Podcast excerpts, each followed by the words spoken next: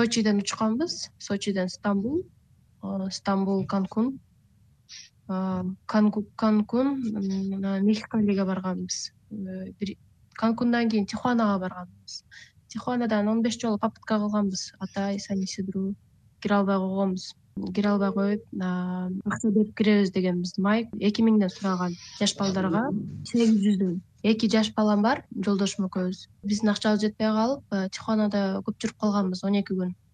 Попытка кыла берип эки жолу машина алып машинабыз менен өтө албай машинабыз кайра сан исидрого акыркы жолу он жетинчи жолу барганыбызда офицерлер алып коюшкан. Өзүбүз эле попытка кылабыз акча бербей эле деп өзүбүздүн эмебиз менен өтүп кетебиз дегенбиз болбоду ошентип айсалкындын үй бүлөсү башка жолдорду сураштырууга аргасыз болушкан. Бир миң эки жүздөн деди пешам киргизебиз деди. Жаш балдарга алты жүз алды. Бизди баягындай айрасам коркутушкан жолдо өлүктөр деле жатат. Вообще сасык суудан кечесиңер кыйла басасыңар кыйналасыңар балдар менен деп мехикалиге барып э, ал жерде адамдар аябай көп экен. Пешам кирем деген семейныйлер одиночкалар.